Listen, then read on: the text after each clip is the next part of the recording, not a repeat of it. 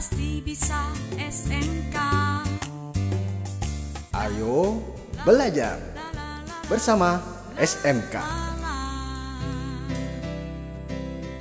Sahabat edukasi, selamat berjumpa dalam acara Ayo Belajar.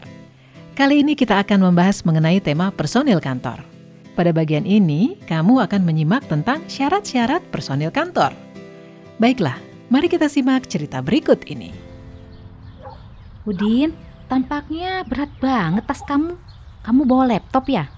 Iya bu, aku bawa laptop. Hari ini Udin ada jadwal praktek membuat scan dokumen. Oh, hebat ya perkantoran sekarang sudah bisa menggunakan scan. Beda sama zaman ibu dulu di Semea. Mesin tik aja masih yang bergandaran panjang. Belum ada komputer, apalagi laptop. Iya, kan sudah canggih. Tuntutan dunia kerja semakin modern. Personil kantor harus bisa mengoperasikan semua mesin dan peralatan perkantoran. Pasti dong Udin.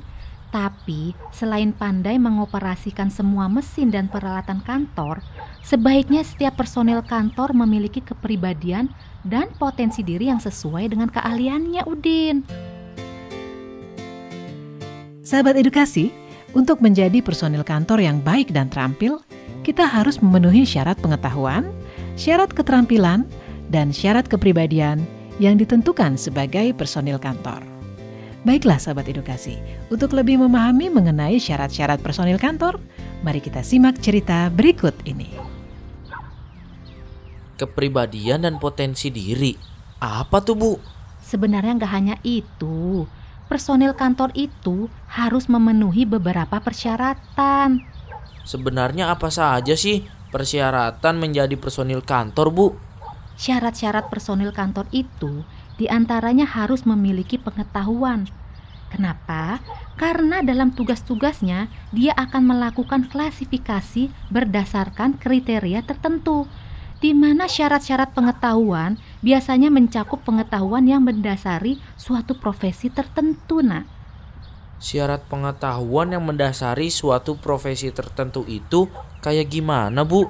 Nah, misalnya profesi dokter. Syarat pengetahuannya adalah dia harus mendalami pengetahuan tentang kedokteran. Lalu profesi sekretaris. Ya syaratnya dia harus memahami banyak hal tentang pengetahuan sekretaris.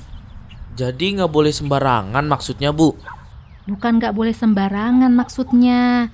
Tapi nanti kalau kamu sudah bekerja, kamu harus bisa mengidentifikasi setiap masalah dengan tepat dan mengambil keputusan dalam menyelesaikan masalah. Jadi kalau kita tidak memiliki pengetahuan yang cukup, pasti kita akan kesulitan dan tidak bisa mengatasinya. Oh, iya sih bu. Udin mengerti sekarang. Tapi syarat pengetahuan saja belum cukup loh Udin. Memangnya ada lagi bu?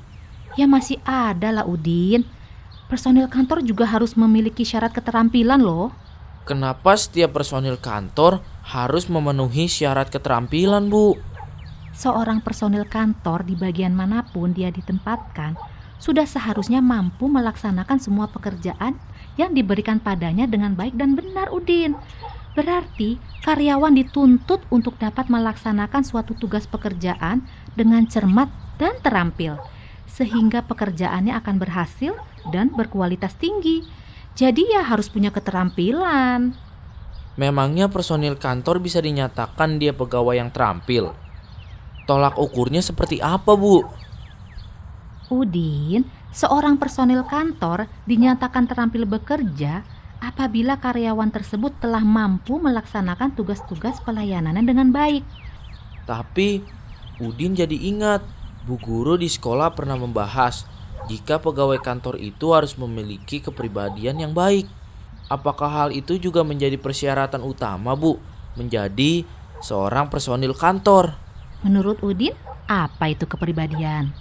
Hmm, kepribadian itu watak atau sifat seseorang, Bu. Misalnya seperti apa coba? Seperti sifat pemarah, judes, ramah, tekun. Nah, kayak gitu kan, Bu? Benar sekali. Kepribadian itu watak atau sifat seseorang. Biasanya lebih ke karakter. Biasanya karakter itu akan muncul dalam tingkah laku, perbuatan, dan sikap sehari-hari dalam bergaul dan bekerja. Kepribadian itu bisa menentukan hasil kerja ya Bu? Oh jelas dong Udin, orang yang selalu mengerjakan segala sesuatu buru-buru asal selesai akan berbeda dengan orang yang menyelesaikan pekerjaannya rapi dan teliti. Iya sih Bu, kalau dalam bekerja saja dia tidak rapi, bagaimana memakai pakaian atau tingkah laku dia di rumahnya? Pasti nggak akan jauh beda ya Bu. Oh pastinya Udin, secara tidak langsung hasil kerja itu adalah gambaran kepribadian dia nak. Kalau yang rapi, hati-hati, teliti, artinya memang kepribadiannya seperti itu Udin. Tapi kalau Udin baca di buku kepribadian bahwa personil kantor itu harus memiliki sifat loyalitas terhadap perusahaan. Jadi ada rasa memiliki. Betul sekali.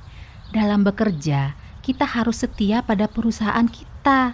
Contohnya, dengan selalu menjaga nama baik perusahaan.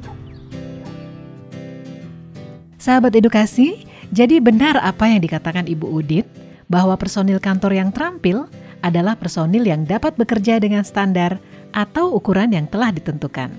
Artinya, personil kantor tersebut dapat bekerja sesuai dengan mutu, jumlah, dan waktu yang telah ditetapkan. Untuk menjadi personil kantor yang baik dan terampil, kita harus memenuhi syarat pengetahuan, syarat keterampilan, dan syarat kepribadian yang ditentukan sebagai personil kantor. Pasti bisa. Sampai jumpa.